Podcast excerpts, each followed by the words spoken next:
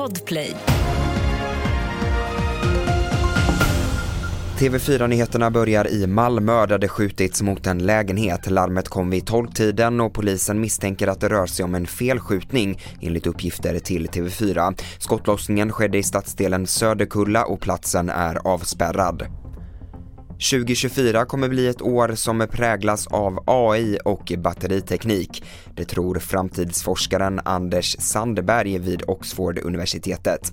Enligt honom blir kärnfrågan för nästa år hur vi skapar teknik som är säker för oss. Det här är ju en do it or die århundradet.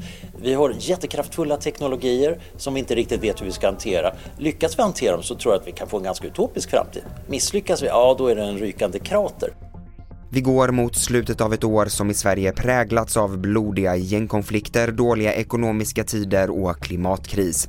Men det finns också ljusglimtar framkommer av TTs sammanställning över goda nyheter.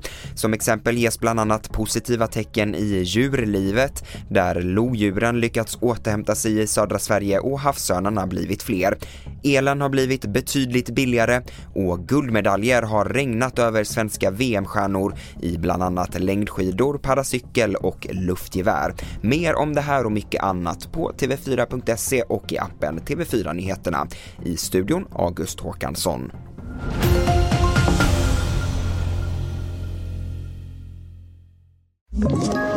Ett poddtips från Podplay.